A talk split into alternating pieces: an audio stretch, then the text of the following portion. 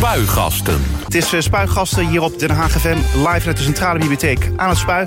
Tot 12 uur neem ik de afgelopen politieke week door samen met gast. De leiders van de NAVO-landen ontmoeten elkaar deze week in Brussel. Het is uh, president Joe Bidens eerste NAVO-top. Hoog op de agenda staan Rusland en China. De NAVO is verdeeld over de vraag hoe om te gaan met het steeds assertievere Rusland en de groeiende invloed van China. Jaap de Hoop Scheffer, oud-secretaris-generaal van de NAVO... die spreekt in Spuigasten over de gespannen relatie met de VS met China... maar ook over de rol van Turkije binnen de NAVO. Voor ons land binnen Europa is het van belang om samen op te trekken... tegen oude en nieuwe dreigingen. Hoe kijkt de Hoop Scheffer, oud-secretaris van de NAVO dus... en oud-minister van Buitenlandse Zaken en minister van Staat... naar deze ontwikkelingen? En wat is de winst nou van deze NAVO-top in Brussel? Allereerst, goedemorgen. Goedemorgen. Hoe gaat het? Het gaat goed. Ja? ja. Uh, de warme dagen een beetje doorgekomen? Ja, nou die zijn in Den Haag aan zee zijn die altijd wat minder drukkend dan, dan elders in het land. Dus uh, als Hagenaar of Hagenees heb je een plusje. Dus u gaat ook even naar het strand dan als het uh, even een beetje warm is? Nou, ik ga, meestal op de, ik ga meestal op de racefiets. En dan ga ik langs het strand. Of we zeggen niet op het strand, maar langs het strand uh, richting Katwijk, Noordwijk of de polders rond Den Haag in. Dat is uh, mijn vrije tijdsbesteding. En dat is goed voor de beweging, goed voor het lichaam. en bovendien mooi. Ja, maar dan met die hitte joh. Nou ja, kijk, als het 30 plus is, dan ga ik niet op de fiets zitten. Dat is op mijn leeftijd, uh, moet je dat niet meer doen. Maar normaliter probeer ik dat toch met, met enige regelmaat te doen, ja. Is dat ook, zeg maar, ja, ten tijde van uw politieke uh, werk, was dat ook al iets om even het hoofd leeg te maken? Ja, en, ja precies. En dat was in, die, in die tijd was dat vrij bijzonder. Want als nauwe secretaris-generaal heb je permanent beveiliging, persoonsbeveiliging om je heen. En dan, uh, dan uh, fietsten de heren, die, uh, die fietsten mee. Die verkenden de route van tevoren en die fietsten mee. En dan moesten al die pollen in de duinen, die moesten naar beneden kunnen... voor je weet maar nooit of er iets gebeurde, et cetera. Maar nu ben ik weer heerlijk op mezelf en rij ik fluitend diezelfde routes. Konden ze u een beetje bijhouden toen? Jawel, dat zijn, dat zijn goed, getrainde, goed getrainde mannen hoor. En, en, en vrouwen. Maar dus, ik weet niet hoe hard u, of hoe snel u hard. rijdt. Nee, nee, luister. Okay. Ik, ik, kijk naar mijn leeftijd. Ik ben 70 plus. Maar uh, ik, ik, ik, hou een, ik hou een redelijk, redelijk tempo aan. Ik haal een gemiddelde van, nou wat, wat zal het zijn, 23. Maar daar is het ook mee gezegd hoor. Oh, dat is wel netjes hoor. Met, je hebt altijd wind tegen hier in Den Haag. Dus. Je hebt altijd wind tegen Den Haag. Vooral rond de hoge gebouwen. Ja. Maar, nee, maar Den Haag, Den Haag is, is, is natuurlijk licht ideaal voor, voor schitterende fietstochten. Ja, nou ja, ze rijden hier inderdaad uh, veel rond. Nou, u bent dus een van die mensen. En we zijn ook aan het einde van de coronacrisis. Hè. Gisteren ook de persconferentie geweest. Voor het gevoel, ja, uh, hoe was de afgelopen coronacrisis voor u? Ja, bijzonder zoals voor iedereen. Uh, maar dankzij de wonderen van de moderne techniek. Uh, mijn echtgenote is, is uh, docenten Frans en Nederlands. Dus die heeft nooit zoveel gewerkt als nu met haar klantjes. En of die nou in Osaka zitten of in, of in, of in Amerika, dat doet er allemaal niet toe. En voor mij was het op de, op de universiteit van tijd tot tijd ook, uh, ook online. Ik heb gisteren toevallig uh, hier op uh, Wijnhaven, de faculteit van, van Leiden... Governance and Global Affairs heet dat deftig in het Engels... heb ik voor het eerst weer een bijeenkomst gehad. dat was met de Duitse en de Franse ambassadeur. Ging over een aantal onderwerpen van het buitenland uiteraard. Maar weer met, met fysieke aanwezigheid van studenten. Het was wel weer heerlijk, moet ik zeggen. Ja? Was echt heel, gemist? Ja, ja, dat, dat, ja je, je, je, ziet, je ziet body language, lichaamstaal... Uh, ja, je, je kunt even een praatje maken van tevoren, een praatje maken na afloop met mondkapje. Maar goed, dat kan allemaal. Kortom, blij dat het allemaal weer een beetje ja, ja, hoor. het gewone en, leven nu, begint. En nu even nog uh, wat, wat premier Rutte gisteren ook terecht zei. Nu even uh, voorzichtig blijven waar dat kan en waar dat moet. in de trein met een mondkapje. Ja, kan niet anders.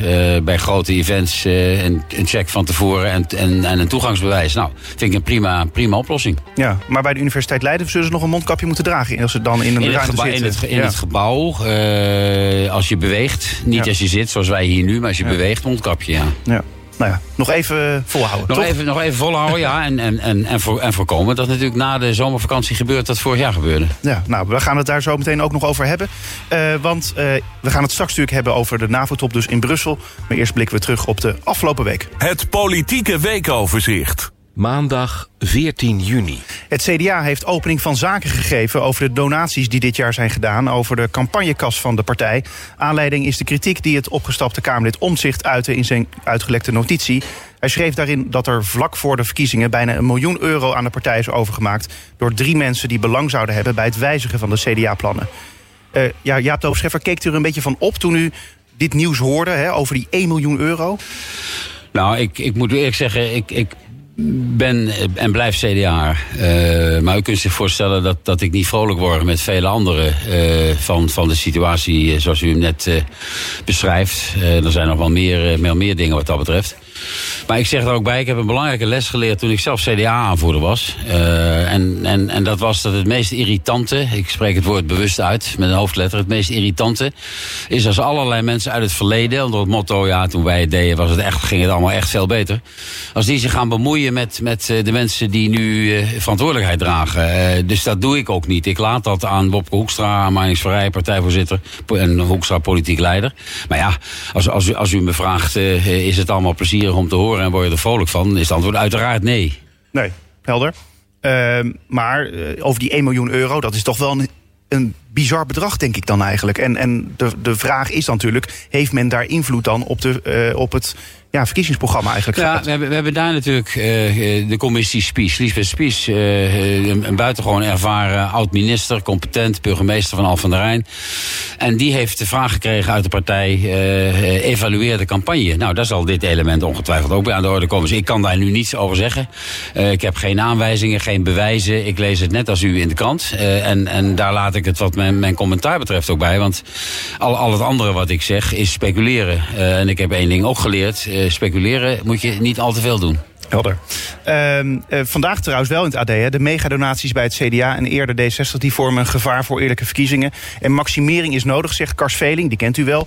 Uh, hij onderzocht voor het kabinet de regels voor partijfinanciering. Uh, bent u daar dan wel mee eens? Want dat is meer meta. Nou, je moet, je moet niet toe naar een situatie, daar kan ik wel antwoord op geven. Je moet niet in Nederland toe naar een situatie zoals die in Amerika is. Uh, dat is natuurlijk daar extreem doorgeschoten. Dan moet je als je president wil worden over een vele, vele miljoenen, bijna miljardenkas beschikken. Dus dat, dat moet niet. Dus dat, uh, laten we zeggen, er aanleiding is, zoals Kars Veling kennelijk in het AD zegt, om, om het hele systeem wat dit betreft nog eens onder de loep te nemen, daar ben ik voor. Want voor je het weet schiet je inderdaad door naar, naar, naar bedragen uh, van dit soort orde. En ja, dan, dan, dan dreigt inderdaad politiek te koop te worden. Maar dat staat wat mij betreft los van het CDA en wat daar precies gebeurd is. Want dat weet ik simpelweg niet. Dinsdag 15 juni. Het CDA zal uiterlijk medio september een bijzonder congres houden. Dat heeft de partij bekendgemaakt naar aanleiding van een verzoek van een groot aantal partijleden. Ook in de vele bijpraatsessies die, er, uh, die we de afgelopen dagen en weken hebben gehad, merken we dat leden snakken naar een congres. Staat in de mededeling van uh, partijleider Hoekstra en voorzitter Van Rij. Staat u wel achter het besluit voor een congres? Ik denk dat dat gezien de huidige situatie nodig is, ja. Ik denk ook dat september een goede timing is, omdat je eh, in de emotie van het moment moet je niet direct en meteen een congres gaan organiseren. Omdat dan het risico op, op ongelukken groot is. Dus ik vind september, eh, dan, dan heeft de commissie Spies, ik noem, ik noem de commissie Spies wederom, heeft een rapport uitgebracht. Dat is dan de basis en daar moeten de leden dan inderdaad over praten. Je kunt niet tegen de leden zeggen, dat doen we af in een briefje. Nee, daar moet een, een, een behoorlijk goed georganiseerd congres over komen, uiteraard. Ja, maar u bent ook CDA-lid. Welke vraag of vragen moeten wat u betreft worden beantwoord? Ja, dan, dan, dan ga ik uh, de inhoud in. En dat wil ik niet, heb ik net gezegd. Uh, maar als, als u en ik de kranten van de afgelopen weken verzamelen... in de binnenzak meenemen naar zo'n congres... Dan, dan komen daar uiteraard een aantal vragen uit voort. Belangrijkste vraag wat mij betreft is, is, is hoe was de campagne? Nou, daar gaat Liesbeth Spies gaat daarover over adviseren. Wat is er verder gebeurd? Er zijn een aantal dingen gebeurd. Lijsttrekkerswissel, et cetera. Dus uh, ja, daar moeten de leden van het CDA... Uh, het CDA is, is tenslotte een ledenpartij... die moeten de gelegenheid hebben zich daarover uitspreken. Woensdag 16 juni. Uh, vanaf volgende week uh, zaterdag verdwijnt de mondkapjesplicht... en vervalt ook het advies om thuis te werken... mits er anderhalve meter afstand kan worden gehouden. Haagse bronnen die melden aan, dat aan de NOS. Dat betekent bijvoorbeeld dat de mondkapjes in het openbaar vervoer voorlopig blijven. Het nieuws is gisteren ook bevestigd uh, door Rutte en de jongen tijdens de persconferentie. Heeft er een beetje een goed gevoel bij eigenlijk? Ja, ik heb er wel een goed gevoel bij. Mits, daar komt het mits, maar dat is ook het mits van de premier. Uh, mits we nu niet volledig gaan doorslaan. Rutte noemde ook terecht, hebben we ook in Den Haag ervaring mee Mijn oudste dochter, onze oudste dochter, die geeft les uh, op een van de Haagse middelbare scholen. Uh, nou, die, die eindexamen, eindexamenklassen die zijn dus naar Ibiza, Mallorca, weet ik waar ze heen zijn gegaan. En die komen dan uh, met grote besmettingen in, in een vliegtuig terug. ja, die, die houden geen anderhalve meter afstand, dat verwijt ik ze ook niet. Maar dat is dus mijn mits. mits een aantal basisregels in de hand worden gehouden. en, en, en, dit, en, en mensen die in dit soort omstandigheden komen, extra voorzichtig zijn. Dus bij jongeren is dat moeilijk, begrijp ik ook. Zelf ook jong geweest eens. Ja. Maar goed, er wordt ook nog wel steeds natuurlijk een voorbehoud inderdaad gemaakt. We weten niet wat die Indiaanse variant allemaal gaat brengen. Nee. Uh, we weten ook niet wat er gebeurt als die vakantiegangers weer terugkeren straks na de zomer hier in Nederland. Uh, dus de vraag kan ook zijn natuurlijk, gaan we eigenlijk niet te snel weer uh, versoepelen? Ja, daar moet, daar moet ik afgaan op het oordeel uh, van de adviseurs van het kabinet en op het oordeel van de premier. Uh, ik kan hier nu wel roepen, ik vind dat we te snel gaan. Als u mij dan de vervolg terecht de vervolgvraag stelt van ja, waar baseert u dat op? Uh, dan moet ik uh, hier uh, het IJspaleis naar buiten kijken en, en hopen dat een van de voorbijgangers die vraag voor mij beantwoordt. Dus dat, dat weet ik niet of wij te snel gaan. ik neem aan dat er een verantwoordelijk besluit is genomen op grond van goede adviezen. Uh, en dat de waarschuwingen die uh, Mark Rutte en Hugo de Jonge heel duidelijk hadden bij hun persconferentie, die zijn wat mij betreft in ieder geval niet aan Dovermans oren gericht. Dus ja, het, het blijft oppassen geblazen. We moeten in ieder geval niet hebben wat we vorig jaar hadden. Dat de vakantie uh, reuze allemaal aardig en leuk leek en dat het, dat het uit de hand liep daarna, toen we allemaal terugkwamen. Kortom, versoepelen, maar alert blijven. Ja. Donderdag 17 juni. Uh, van Liene die zegt het lidmaatschap van het CDA op, heeft de partij laten weten. Het besluit is in goed overleg met Van Liende en het landelijk bestuur genomen. Van Liende die raakte in opspraak door een omstreden mondkapjesdeal waarmee hij miljoenen verdiende. Terwijl hij had gezegd dat hij de mondkapjes voor zorgpersoneel om niet had geleverd. Het zijn wel zware dagen voor het CDA. Nou, ik heb al gezegd, ik, ik word er niet vrolijk van.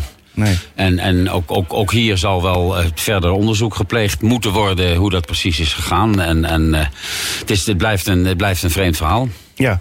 Uh, is het dan voor de partij wel goed dat Siewert Verlinde dan zijn lidmaatschap opzegt? Ja, moet, dat, moet hij, dat moet hij helemaal zelf weten. Uh, en als het gaat om rust in de partij? Nou ja, hij, hij, moet dat zelf weten. Als hij zijn lidmaatschap wil opzeggen, moet hij dat vooral doen. Uh, hij heeft het al gedaan. Ja. Nee, hij heeft het al gedaan. Dus wat dat betreft, end, end of story, zeg ik met, met Pim Fortuyn. Ja. Maar ja, het is. Het, lastige hiervan is, is dat het. Weet je, er is dan zo'n mediastorm, hè? Uh, en op basis daarvan wordt er dan besloten van, nou ja, ik, uh, ik zet mijn lidmaatschap op. Ja, kijk, dat, dat, is, dat, dat is aan hem. We, we weten dat in, in, in dit land, uh, wat, wat een beetje vertalksoiseert, zou ik willen zeggen, in een, in een uh, slecht Nederlands werkwoord. Uh, dat dat door de, door de tsunami aan talkshows die we hebben in Nederland en praatprogramma's, dat iets zeker in de tijd van social media, van Twitter, van Insta, van weet ik wat niet allemaal, Facebook, dat dat binnen, binnen minuten kan uitgroeien uh, tot, tot een rel. Uh, en we leven een beetje in die talkshows natuurlijk van de ene hype naar de andere. Nou, dit is een, een serieus verhaal. maar dat wordt in, in, in no time wordt het een hype. En dat is het gebleven. ik, ik ben benieuwd naar hoe het precies gegaan is. Nou, daar heeft minister Van Ark een aantal opmerkingen over gemaakt. en dat zal op een bepaald moment wel, wel blijken. Het gaat om heel, om heel groot geld. Vrijdag 18 juni. Informateur Hamer die zegt dat het politieke deel van de formatie in een impasse zit. Ze heeft de zes partijen die nog over zijn gevraagd om in het weekend onderling te overleggen over een oplossing. Uh, ja, de formatie die verloopt wel heel traag. Nou, ik hoorde vanmorgen op, de, op radio, op Radio 1, uh, zaterdagmorgen 9 uur. Uh, Mieke van der Wij, Peter de Bie. Uh, al sinds jaar en dag het vaste koppel, om het zo te zeggen, waar je zaterdag mee, mee opstaat. Uh, toen hoorde Kees Boonman, door mij zeer gerespecteerde uh, politieke waarnemer in, in Den Haag. En die zei op een gegeven moment, ik citeer hem niet letterlijk, ja, ik, ik, ik weet het ook niet meer. Er is een blokkade, dat zei Mariette Hamer trouwens gisteren zelf ook. omdat er nog altijd partijen zijn die zeggen, ja, ik, ik, ik wil niet met partij X of Y. dus ja, het zit vast. Maar Kees had ook een, een, een, een compilatie gemaakt van vier jaar geleden. En toen ik dat hoorde, dacht ik, ja, niks nieuws onder de zon. Want vier jaar geleden was precies zo, met een paar andere hoofdrolspelers. Dus ja, de, Herman Tjenk Willink, uh, mijn collega minister van Staat, die ik zeer, zeer hoog heb. Uh, die zegt altijd, formeren is faseren. Nou, dat faseren, dat, dat, dat, dat duurt in Nederland nu even. Herman Tjek Willink heeft zijn werk gedaan, maar Jet Hamer doet dat nu. En de, de vraag is, ook mijn vraag is, maar ik kan het niet beantwoorden, hoe nu verder? Ja, nou ja, hoe nu verder? U heeft vast wel een wens. Ik heb, ik heb geen wens voor een bepaalde coalitie, als dat de achtergrond van uw vraag is. omdat ik vind dat dat echt uitgemaakt moet worden door de mensen die aan het roer staan nu. En ik ga dat proces niet hinderen met met een op zichzelf journalistiek interessante krantenkop. Uh, oud CDA-leider, de hoop Scheffer vindt, dubbele punt. En dan komt de coalitie. Nee, als ik, als ik Wopke Hoekstra was, zou, zou ik zeggen van, van laat die man op zijn racefiets gaan zitten zaterdagmorgen. En, en, niet, en niet in Den Haag voor een radiomicrofoon. Oké, okay, nou ja, u doorziet de media inderdaad goed. Maar het is wel interessant natuurlijk om te weten hoe u als, als CDA-lid naar die formatie kijkt en wat uw wens is. Jawel, ik Niet meer ik over links of, of ik ben, ik ben, ik ben CDA-lid, dat, weet, dat weet ik. Uh, uh, maar ik weet ook, uh, zo gepokt en gemazeld ben ik inderdaad wel in de journalistiek.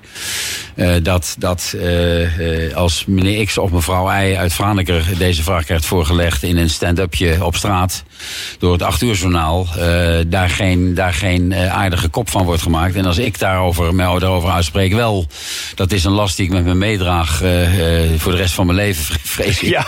Maar ik doe het toch maar niet. U bent wel van de beveiliging af, zeg maar, maar nu heeft u wel dit, van de beveiliging af. En, en, dit, dit ik, en, en ik hoef in, in het persoonlijke, ik hoef ook niet meer dat war auch einmal, zeg ik op zijn, op zijn, op zijn Duits uh, tegen mijn kleinkinderen te zeggen van... ah, opa was, op de, opa was op de radio, heb je het gehoord, heb je het gezien? Dat hoeft ook niet meer. Uh, helder. Maar het wordt wel tijd dat er een doorbraak Jawel, wordt geforceerd. natuurlijk, natuurlijk wordt, wordt, dat, wordt dat tijd. Ik heb begrepen dat er inhoudelijk voor wat betreft het herstelplan uh, uitgebreid gepraat is. En er liggen natuurlijk een aantal hele grote problemen liggen er op de tafel van de, van de informateur. ja, die, die politieke doorbraak zal moeten komen. alleen is het, al is het nu al zo, en ik neem aan dat dat bij de huidige betrokkenen bij de formatie ook een rol speelt. Uh, dat er geloof ik wel overeenstemming is dat dit demotionaire kabinet richting Prinsjesdag uh, een, begroting uh, 2022 maakt. Nou, dat, dat haalt een heleboel druk van de ketel in het proces. En dat is geen stimulans, zo wil ik het maar formuleren, voor de formerende partijen, de informerende partijen, om haast te maken. Want het, het is altijd belangrijk. Als je, als je urgentie zou, zou hebben nu en je had niet die impasse waar we nu over praten, dan zou men proberen om in ieder geval de nieuwe coalitie in staat te stellen uh, om het nodige te zeggen over de begroting 2022. Uh, en, en dat kan niet meer, uh, want die processen lopen en die hebben, die hebben hun, eigen, hun eigen deadlines. Ja. Maar ja, het is een belangrijk moment om, om, om haast te maken. Uh, ja, en ik, heb, ik, heb het, ik heb het gevoel dat er op het Binnenhof juist die urgentie dus niet wordt gezien. Dat, uh, nee. ik, ik, lees ook de stukken dat Mark Rutte een beetje, bij wijze van spreken, hè, achterover uh, geleund zit. En, nou, dat, dat, dat, dat, geloof, dat geloof ik niet. Maar nogmaals, bij de punt, formatie dan, hè? Punt wat ik net, het punt wat ik net noem, dat is wel relevant. en dat haalt, dat haalt druk van de ketel. Ja. Uh, en als u mij dan vraagt, is, is, het, is, het, is dat goed? Nee, dat is niet goed. Want je zou willen dat een nieuwe coalitie zich met die, over die begroting kan buigen. In ieder geval daar kan bijsturen uh, waar men wil bijsturen. Nogmaals, ja. denk, denk aan stikstof, denk aan, denk, aan, denk aan woningbouw, denk aan de rechtsstaat. Uh, nou ja, talloze problemen. Dan heb ik nog niet eens over het buitenland. Nee. En Luns, Jozef Luns, de oud-minister van Buitenlandse Zaken, zei al, we hebben veel buitenland. Ik merk er niet veel van af en toe, maar we hebben veel buitenland. Ja. Ik zal maar niet aan u de vraag stellen uh, of u informateur gaat worden, want dan wordt u het misschien wel. nee, dat is, dat is al een hele, hele, hele verkeerde vraag. Maar ik denk dat mijn, dat mijn oriëntatie, uh, zoals u weet, daarom zit ik ook hier in eerste instantie, mijn oriëntatie oriëntatie en vak is het buitenland. buitenland ja. En, en uh, dat wil niet zeggen dat ik, dat ik niet geïnteresseerd ben in stikstof en woningbouw. Maar uh, ik denk niet dat die vraag op mijn pad komt, nee. Zaterdag 19 juni. Dan gaan we naar een beetje buitenland in Den Haag. Tot slot nog. De gemeente Den Haag wil dat uh, Saoedi-Arabië snel een pand aan de Van Blijswijkstraat opknapt. Recent kwam een deel van de gevel van het gebouw omlaag. Den Haag heeft vervolgens een brief gestuurd aan de Saoedische ambassadeur... om hem te wijzen op de erbarmelijke staat ervan. Ook vertoont het pand nog wat andere gebreken. Ook de panden aan de IJzerhouwerlaan en de Alexanderstraat... die zouden gebrekkig worden onderhouden. En dit terwijl het rijksmonumenten zijn. En daarom heeft de gemeente ook een moreel appel gedaan... om maatregelen te treffen.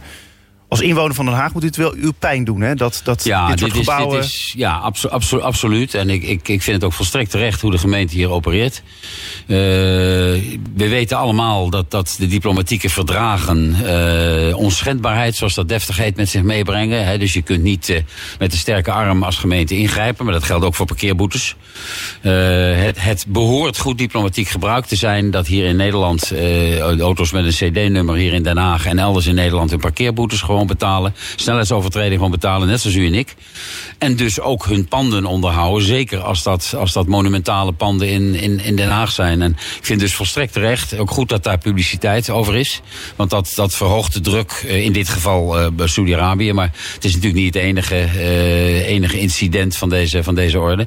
Ik vind gewoon, en ik ben het zelf lang geweest heb zelf ook in andere landen met CD, eh, eh, auto's CD-nummers rondgereden. Je hoort je gewoon behoorlijk en, en goed te gedragen.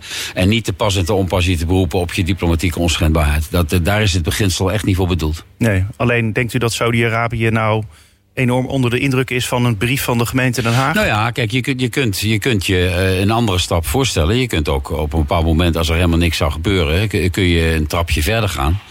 Eh, er is in Den Haag ook een ministerie van Buitenlandse Zaken. Er is ook een minister van Buitenlandse Zaken. En die kan eh, op welk niveau zij, mevrouw Kaag, dat nodig acht. Misschien hoeft ze niet misschien meteen zelf te doen. Kan ze ook eh, iemand van haar, haar mensen opvragen. Die tegen Saudische eh, eh, amb- ambassadeur vraagt naar het departement te komen met dezelfde boodschap. U reageert niet op een brief van de gemeente Den Haag. Mag ik u nog eens wijzen op, op het feit dat het om, eh, om buitengewoon monumentale panden gaat... eh, die u geacht wordt te onderhouden. Ja. Maar goed, Dus je kunt, je, met andere woorden, je kunt, je kunt als, als Nederland, als dit een, een probleem blijft, kun je wel, eh, zoals dat heet, escaleren. Je kunt een trapje hoger gaan. Ja, alleen de vraag is, is dat het waard? Nou ja, ik, ik, als, als Hagenaar vind ik van wel, eerlijk gezegd. Want ik vind dat soort panden eh, die dan steeds eh, verder verloederen.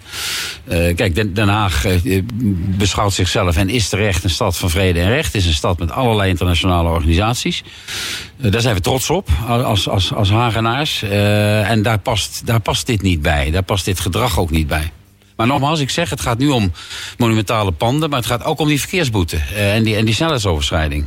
En daar denken ook ambassades van, eh, nou ja, eh, luister eens, dat kunnen ze toch niet afdwingen. Nee. Verkeerd. Tot zover het eh, weekoverzicht en meer nieuws vind je op onze website denhaagfm.nl. Spuigasten. 100%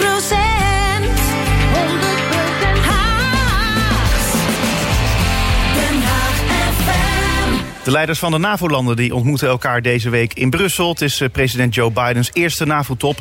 En hoog op de agenda stonden Rusland en China. De NAVO is verdeeld over de vraag hoe om te gaan met het steeds assertievere Rusland en de groeiende invloed van China. Jaap de Hoop Scheffer, je hoorde hem al. Oud-secretaris-generaal van de NAVO, die spreekt in Spuigasten over de gespannen relatie van de VS met China. Maar ook over de rol van Turkije binnen de NAVO. Voor ons land, binnen Europa, is het van belang om samen op te trekken tegen oude en nieuwe dreigingen. Maar hoe kijkt de Hoop Scheffer, oud-secretaris van uh, generaal van de NAVO dus, maar ook oud-minister van Buitenlandse Zaken en minister van Staat, naar deze ontwikkelingen? En wat is de winst van deze NAVO-top in Brussel? Uh, laten we beginnen, uh, Jaap de Hoop Scheffer, met dat de focus op deze NAVO-top, die lag eigenlijk voor een belangrijk deel op China. Waar komt dat dan nu vandaan? Waarom dat dan nu op dit moment zo is? Dat komt omdat, uh, en daar zijn we nog niet allemaal uh, aan, aan, gewend. En, daarom is het nieuw. dat laat ik mezelf en mijn generatie als voorbeeld nemen. Maar dat geldt ook voor de generatie van onze kinderen. tot, tot, tot op heden zijn wij opgegroeid in een wereld met één supermacht. Toen de Sovjet-Unie uh, ophield te bestaan, uh, de Berlijnse muur viel in 1989. Een paar jaar daarna geen Sovjet-Unie meer, geen koude oorlog meer, communisme tegenover de vrije wereld. Was er één supermacht. We noemden dat met deftig Pax Americana. De Amerikanen hielden de boel bij elkaar. Met vallen en opstaan, denk aan, denk aan Irak, et, et, et cetera. Maar de Amerikanen organiseerden de wereld. Uh, nou, en nu, en dat is een, een enorme mentale overgang, politieke overgang. Uh, dat is ook de achtergrond van, van uw vraag. Uh, ja, zitten we in een wereld met twee supermachten. Want China is ook een supermacht. China is niet, is niet een opkomende macht. China is een supermacht met de grootste marine ter wereld. Gaat uh, op een bepaald moment de Amerikanen voorbij qua, qua economie. En, en deze NAVO-top uh, met een nieuwe president, met een president die enorm veel scherven bijeen moest, uh, moest vegen, uh, die zijn voorganger Trump had achtergelaten. die noemde de NAVO overbodig. Die was niet bereid om artikel 5, een aanval op één is een aanval op alle te onderschrijven. Dus de boodschap van Biden was: eh, we are back, we zijn terug. Dat, zei hij meteen al dat al, zei, hè? Dat zei hij meteen al. Eh, maar de, de, de, de tweede belangrijke boodschap was: ja, de- onze rivaliteit met China. Verenigde Staten-China, dat is de kernrivaliteit in de wereld. Eh, en wij zitten in een bondgenootschap, beste vrienden in de NAVO. Maar ik wil wel ook graag van jullie weten hoe, je, hoe staan jullie in die rivaliteit tussen, tussen ons en, en, en China. En daar zeggen de Europeanen van, daar ik ook als Europeanen van. Daar moeten wij een eigen positie eh, proberen te bepalen. Dat zal helemaal niet makkelijk zijn. Met wel als achtergrond dat wij natuurlijk qua waarden. En qua mentaliteit en qua historie eh, en qua defensie zeer met de Verenigde Staten verbonden zijn. Want zij leveren ons de uiteindelijke garantie voor onze veiligheid en vrijheid binnen diezelfde NAVO. Ja. Eh, En, en dus wij, wij zijn als Europa natuurlijk, als Europese Unie en ook natuurlijk de, de, de lidstaten daarvan en eh, natuurlijk de VS, we zijn wat nader tot elkaar gekomen door de komst van Joe Biden. Zeker. Ik Ja. denk alleen, ik denk alleen daar, daar- moet één waarschuwing bij. eh, dat we niet moeten denken dat omdat eh, eh, Joe Biden nu president is. En ik heb hem in mijn NAVO-tijd, was hij vicepresident, een aantal malen mogen ontmoeten. eh, dat, we weer, dat we weer teruggaan naar hoe het geweest is. Want hoe het geweest is, was die ene supermacht. En een tweede punt, en dat baart mij zorg, grote zorg, moet ik zeggen. Dat, dat is dat mijn generatie altijd is opgegroeid met een Amerikaanse president in het Witte Huis. En of hij nou democraat of republikein was. Het buitenlands beleid. eh, we hadden onze grote meningsverschillen. eh, ik, ik noemde Irak al. Het buitenlands beleid eh, was zowel door democraten als republikeinen gesteund. Nu, na Trump, is dat anders. En als ik nu kijk naar de Amerikaanse presidentsverkiezingen alweer over 3,5 jaar. Eh, ja, wat, wat, wat gebeurt er dan als, als Biden of een opvolger van Biden uit de Democratische Partij niet wint? Krijgen we dan Trump terug? Krijgen we dan een Trump-kloon terug? Met datzelfde beleid. Dus dat, dat vind ik op termijn, moet ik eerlijk zeggen, wel een, een zorgelijke ontwikkeling. Omdat, omdat Donald Trump de Republikeinse Partij vrij stevig eh, aan het leidsel heeft, om het zo te zeggen. Ja, dat is een zorg voor de NAVO en uiteindelijk Dat een is zorg, een zorg voor iedereen. Ja. Dat is een zorg voor iedereen. eh, Want we hebben de Amerikanen als stabiele, voorspelbare factor op het wereldtoneel nodig. En als de Amerikanen één ding niet waren onder Trump, dan was het een stabiele en voorspelbare factor. Ja, nou hebben we de situatie van de VS even geschetst. Eh, laten we teruggaan dan naar, naar China. Want de secretaris-generaal Jens Stoltenberg van de NAVO... die zei dat de NAVO moet reageren op de economische, politieke en militaire opkomst van China. Nou, dat zei u net ook. Maar hij wilde niet spreken van een nieuwe koude oorlog. Maar dan denk ik, wat is het dan wel? Ja, dat, dat is, dat is een, een, een, een, een goede vraag. Dat zegt iemand dan altijd als hij even wil nadenken over de, over de vraag. U mag even Doe- nadenken. Doe, doe ik dus ook. Ja. Nee, kijk, het is, het is eh, eh, wat, wat, wat China betreft en wat, eh, wat, wat de NAVO betreft, eh, is het nieuw. Eh, de relatie met China. China is een eeuwenoude beschaving. Eh, China is ook op dit moment een land waar eh, één partij, de Chinese Communistische Partij, de dienst uitmaakt. Partij en staat vloeien samen. China is ook een land waar de moderne technologie, gezichtsherkenning, drones, noem het maar op, tot een surveillance staat heeft geleid. China, China houdt zijn burgers tot op de millimeter in de gaten. Als, als u Oeigoer bent, eh, dat is een, een, een Turks sprekende islamitische minderheid in het noordwesten van China. En u gaat s'avonds bij verkeerde mensen op bezoek, eh, dan is er een camera die dat registreert. En als u bij de verkeerde mensen in de ogen van de machthebbers op bezoek gaat, dan wordt u de volgende ochtend op politiebureau geroepen. Wat, wat, wat deed u daar? Het is een, het is een eenpartijstaat. Eh, het is een staat die een land wat niks heeft met democratie. Dat willen ze, willen, willen ze ook niet. Maar het is wel een supermacht. En Jens Stoltenberg zegt dus terecht, dat heeft de NAVO ook besloten. Alle, alle eh, ook veiligheidsrisico's die eh, eh, vanuit die supermacht China komen. Ik zei al eerder met de grootste marine ter wereld. eh, zo kun je een aantal andere voorbeelden noemen. Die moeten door de, ook door de NAVO goed in kaart worden gebracht. Weer een voorbeeld, de Zuid-Chinese Zee. Hele belangrijke eh, eh, scheepsader, commerciële ader... waar heel veel commercieel scheepvaartverkeer voor de wereld door, doorheen komt. Chinezen claimen in feite soevereiniteit over de hele Zuid-Chinese Zee. Oost-Chinese Zee, als je het over, over richting, richting Japan hebt. Ja, daar, daar kunnen wij niet van zeggen, eh, dank u wel en amen. eh, en wij zullen daar niet meer varen. Eh, er vaart op dit moment, as we speak, zoals de Engelsen zo mooi zeggen... vaart er een, een, eh, een, een Brits vliegtuigschip met onder andere ook een, een Nederlands marineschip... door die Zuid-Chinese Zee. Niet vanuit agressieve bedoelingen, maar om aan te tonen... wij mogen en kunnen hier varen als wij dat, eh, als, als wij dat willen. Eh, denk aan de Noordpool, hè, waar het poolijs smelt, waar scheepsroutes eh, openkomen, waar veel gas, waar veel olie in de grond zit.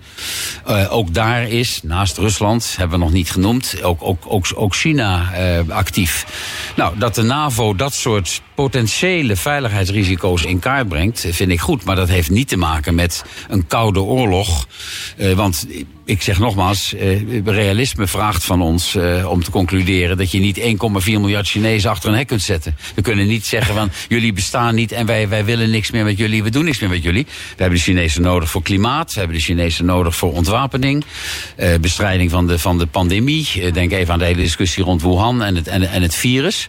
China is een supermacht eh, en we kunnen niet net doen alsof China niet bestaat. Maar we moeten ons wel realiseren. China is qua, ik noemde het net, qua waarden- en normenpatroon natuurlijk een totaal ander land dan wij. Eh, en we moeten goed opletten, ook hier in Nederland, waar China investeert. Ja. Eh, Maar ik vind het toch gek dat dan Jens Stoltenberg dan wel zegt van ja, het is geen koude oorlog. Maar dus hij noemt het eigenlijk niet, maar eigenlijk ook weer wel. Nou ja, het is, het is ook. Woorden doen ertoe, in het, in het, ook in het internationaal diplomatieke verkeer. Ja, maar hij gebruikt dus wel de term Cold War. Ja, maar hij, hij zegt het is het niet. Nee. Eh, hij, hij formuleert het dus subtiel, want hij zegt het is het niet. Als, als u mij vraagt, wat, wat, wat is China? Dan kun, je, dan kun je kiezen tussen, is Chi- is China een, een, een, een militaire vijand? Ik zeg niet, op dit moment zeker niet. Is, is, is China een tegenstander? Ja, op vele punten. Is China een rivaal? Ja, op vele punten. Eh, kunnen wij eh, in China de democratie gaan brengen? Nee, eh, dat, dat, zal- dat zal ons, ons niet lukken. Eh, wat leidt tot, tot hele moeilijke vragen. Eh 1 miljoen of meer Oeigoeren, ik noemde ze net al, hè, die Turks sprekende minderheid en Kazachen en, en, en anderen. In wat de Chinezen noemden eh, eh, kampen waar ze een, een, een vak, een beroep leren. Onzin. Eh, dat, dat, dat, zijn, dat zijn strafkampen waar ze worden heropgevoed, waar ze Chinees moeten worden en, en, en hun eigen taal niet meer mogen spreken. Vrouwen worden gesteriliseerd, gedwongen. Enfin, ja, daar kunnen wij niet, daar, daar kun je niet omheen kijken. Alleen de supermacht China zegt van jullie kunnen daar wel schreeuwen eh, vanuit de stad van vrede en recht in Den Haag of vanuit de, waar, waar dan ook vandaan. Alleen we trekken ons er ondiplomatiek gezegd geen lor van aan. Nee, precies. Maar een koude oorlog? Nee, een koude oorlog is het niet. Nee, ze spraken ook over klimaatverandering, terreurbestrijding en het eh, Russische pat- patroon van agressief gedrag. Dat kwam allemaal aan bod. Ik citeer trouwens het bericht van eh, de NAVO. Ehm, zijn er dan op deze dossiers volgens u, u heeft het allemaal gevolgd, eh, echte stappen gezet? Nee, dat denk ik niet. Eh, maar het feit dat deze vergaderingen plaatsvonden, is op zichzelf al de boodschap. Het begon met de G7. Eh, hè, waar, waar de zeven eh, belangrijkste economieën van de wereld samen waren. Daar ging het weer over andere onderwerpen. Onder andere over de pandemie. En onder andere over hoe verspreid je zo snel en effectief mogelijk de vaccins over de wereld. We kunnen hier wel allemaal prikken. Als je in Afrika helemaal niet prikt, eh, dan komt er straks een variant ergens vandaan. Delta of Gamma of hoe je het ook, hoe je het ook noemen wilt. Dus nou, de G7 werd gevolgd door de NAVO, werd gevolgd door de Europese Unie, werd gevolgd door een moeizame eh, ontmoeting met Poetin. Maar ook daar zeg ik van, het feit dat die ontmoeting plaatsvond... en dat er weer ambassadeurs worden uitgewisseld... is op zichzelf al een resultaat. En daar moest Biden op een dun draadje lopen... De critici van, van, eh, van Biden eh, die zeggen uiteraard... je geeft Poetin een platform. Eh, een handshake, eh, daarvoor dat mooie huis aan het, aan het meer van Genève. eh, de, de, de, fotoshoot in, de, in, dat, in, dat, in dat kamertje. Maar ik, ik zeg dan altijd maar beter wel deze bijeenkomsten hebben... ook al leiden ze niet tot grote en meteen spectaculaire concrete resultaten... dan ze, dan ze niet hebben, want eh, ik was, ben en blijf diplomaat... altijd blijven praten. Helder, goede boodschap. Eh, wat me opvalt trouwens vanuit de media is dat er voor Turkije weinig aandacht is geweest. Nou, er is wel, heb ik begrepen, een, een eh, wat dan heet bilateraal gesprek geweest. Een gesprek tussen Biden en, en Erdogan, eh, de president van, van Turkije. Dat, dat zal, daar, daar heb je nou een goed voorbeeld van voor en achter de schermen. Ik weet zeker dat dat achter de schermen een buitengewoon pittig gesprek is geweest. Want dat, dat Erdogan eh, het bestaat om Russisch, eh, Russisch, een Russisch raketafweersysteem eh, te kopen. En aan te schaffen wat helemaal niet compatibel past in, het, in, in de NAVO. Turkije als NAVO-lid. Dat is niet minder dan een schandaal in, poli- in politieke zin. De Amerikanen hebben toen gezegd: oké, dan krijg je onze, onze, onze moderne gevechtsvliegtuigen ook niet. Die F-35 die Nederland ook heeft. Turkije eh, is, is, is assertief eh, in Syrië, in Libië, in het oostelijk deel van de Middellandse Zee. Turkije is een hele lastige klant. Eh, en ook lastig voor de, voor de Amerikanen. Dus daar hoor je dan niet veel van, zegt u terecht. Maar ik denk dat dat een zeer pittig gesprek is geweest. Dus daar zijn misschien wel zelfs meer stappen gezet eigenlijk dan tussen VS en Rusland. Ja, dat hoop je. Je, je, je, weet dat, je weet dat nooit. Omdat, omdat ik, president Erdogan is een, is een niet zo makkelijk te peilen leider. We, le- we leven in een, in een tijd, eh, daarop is Biden overigens vind ik een hele positieve uitzondering. Maar we leven in een tijd van, van leiders met grote ego's. Trump heeft een enorm ego. Eh, Poetin heeft een enorm ego. Xi Jinping, eh, idem. Erdogan, meneer Duterte op de Filipijnen. Je kunt zo een grote lijst maken van leiders Bolsonaro. met hele grote... Ja. Bolsonaro, Brazilië, met hele grote ego's. Eh, en Bi- Biden heeft dat absoluut niet. Wat dat, wat dat betreft is, is, is, is Biden een man, op zijn Engels gezegd, decency. Hè? Ja, hoe zeg je dat? Het is een, een, een decent, decente man. Is, is, is terug in het Witte Huis. Eh, het, het is geciviliseerd. Eh, eh, kort, kortom, het is, het is heel goed dat Biden er zit. Maar ik herhaal mijn, mijn zorg. Wat gebeurt er over 3,5 jaar? Ja, precies. Dat is eh, de de grote vraag. Ehm, nou is het zo dat eh, Biden natuurlijk het een en ander heeft gezegd. Want laten we even gaan naar eh, de ontmoeting tussen Biden en eh, Poetin. En eh, luister even naar wat eh, eh, Biden eh, zei over Poetin. I have met with him. He's bright, he's tough, and uh, I have found that uh, he is a, uh, as they say, when he used to play ball, a worthy adversary. Ja, het was een beetje raar. eh, eh, wat, eh, het is een fondman wat, wat Biden hierover over zei. Namelijk dat hij het een waardige tegenstander vond. Dus Biden zei dat over Poetin, een waardige tegenstander. En ehm, ja, dat werd dan in de buitenlandse pers en op sociale media breed uitgemeten. Kritiek was er dus op Biden. Want waarom zou je dus Poetin, die ervan beticht wordt dat hij aan het hoofd staat van een criminele overheid, mensen gevangen zet en politieke tegenstanders probeert te doden, waarom zou je die dan een waardige tegenstander noemen? Ja, heeft, heeft mij, die, die kwalificatie, moet ik eerlijk zeggen, heeft mij ook, eh, heeft mij ook verbaasd. Eh, want dat is een, een, een filmpje wat in de, in de verkiezingen die eraan komen in Rusland vaak zal worden afgedraaid. Eh, ik, ik, ik zou, maar goed, wie, wie, wie ben ik? Ik zou die kwalificatie niet direct gebruikt hebben. Ik heb Poetin vele malen ontmoet, want hij zit er al sinds de eeuwigheid, zo- zoals u weet. Kijk, Poe- Poetin, Poetin is een, een, een man waarvan je de geschiedenis moet kennen. Ik zeg tegen mijn studenten in, in, in, Leiden en hier in Den Haag ook altijd... je moet, als je het buitenlands beleid wil begrijpen... moet je in het persoonlijk verhaal van, van, van die leiders duiken. Poet- Poetin zag zijn wereld in elkaar storten eh, in, in Oost-Duitsland in 1989 toen de muur viel. was een KGB, dus een inlichtingendienst, officier, jonge, jonge officier. Zijn wereld stortte in toen de Sovjet-Unie instortte. Hij heeft de ineenstorting van de Sovjet-Unie de grootste geopolitieke catastrofe van de 20e eeuw genoemd. En dan moet je nagaan dat Rusland tientallen miljoenen mensen in de oorlog heeft verloren. Waar ze, waar ze heroïs zijn geweest, de Russen. En ook het Russische volk. Dat, dat zit in Poetin. Poetin wil zijn rijk terug. Die wil exclusieve politieke invloed in, in, in landen waar hij dat meent te moeten hebben. Zo, zo zit de man in elkaar. En ondertussen ver- ver- vergiftigt hij eh, eh, ex-spionnen. Vergiftigt hij eh, Navalny. annexeert hij de Krim. Eh, maakt hij maakt hij, eh, eh, in, in, in, in, in Oekraïne eh, via eh, zijn, zijn cronies en zijn re- rebellengroepen eh, eh, is hij onrust. Hij zet eh, honderdduizend man aan de grenzen, troepen aan de grenzen van Oekraïne. Dat vind ik geen waardige tegenstander. Ik zeg waardige gesprekspartner. Ik zeg alleen wel erbij. Hij leidt Rusland. Eh, Rusland is lid van de Veiligheidsraad, permanent lid van de Veiligheidsraad. Rusland is een kernmacht. Ja, Ru- Rusland is niet zoals Obama een keer, eh, is hij Poetin woedend over geworden, gezegd heeft. Rusland is niet een regionale macht.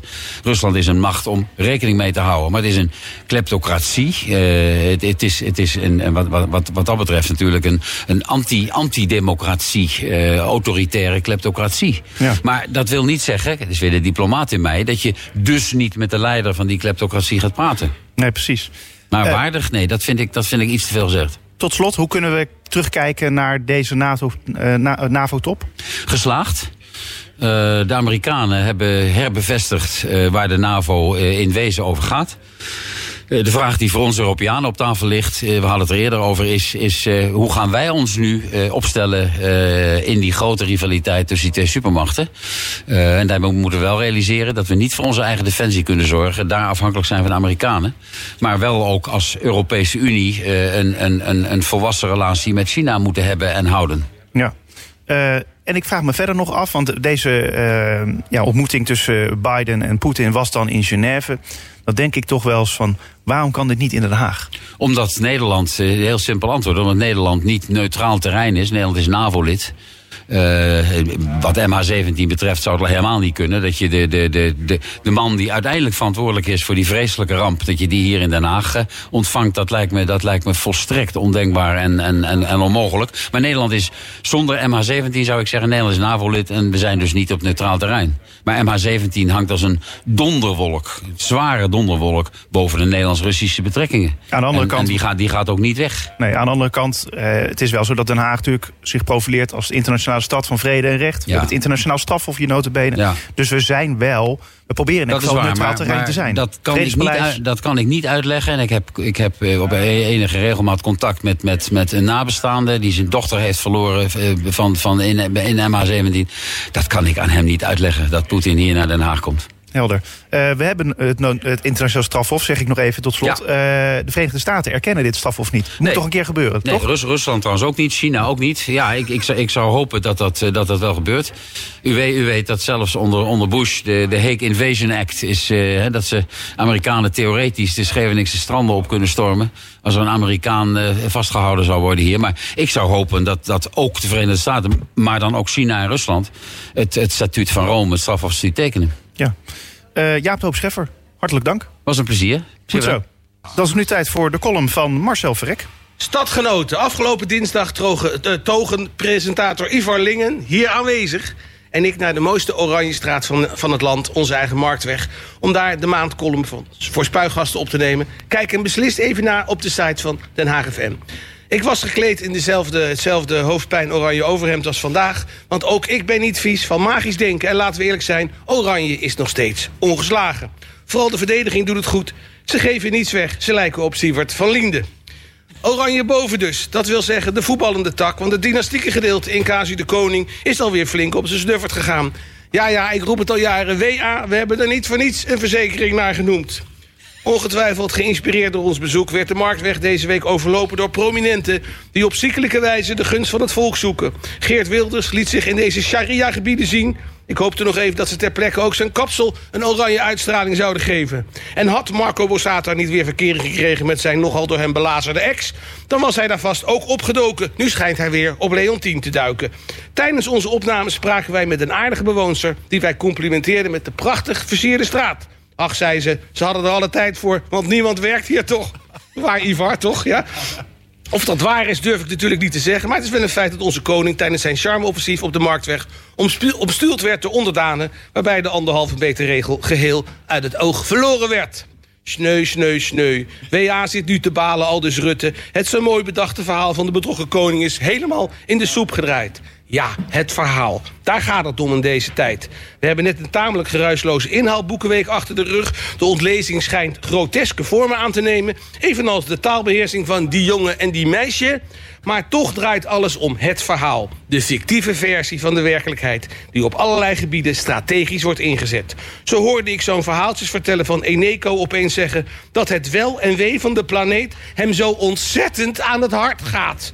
Coca-Cola doodsbang dat Ronaldo, Cristiano Ronaldo... nog meer met flesjes gaat kegelen... gaat schijnheilig in zee met plastic opruimer Bojan Slat... en lingeriemerk Victoria's Secret verklaart dat het niet langer in dienst wil staan... van de mannelijke lustbeleving. Om met Jacobsen van Es te citeren... Mag ik een tijltje? Er moet even een Chinees naar buiten. En dat terwijl er tegenwoordig eigenlijk al veel te veel Chinezen buiten zijn. Althans, dat is de vrees van de westerse mogendheden. Het gaat om het verhaal. In de politiek heet dat spinnen. En een van de grootmeesters in dit genre was altijd de voormalige secondant van Jaap de Hoop Jack de Vries. Die wist bijvoorbeeld het verhaal zo te draaien dat heel Nederland geloofde dat Wouter Bos eigenlijk die draaier was. Ik heb in mijn loopbaan als columnist diverse malen de eer gehad... het werk van de heer De Hoop Scheffer te mogen bespreken.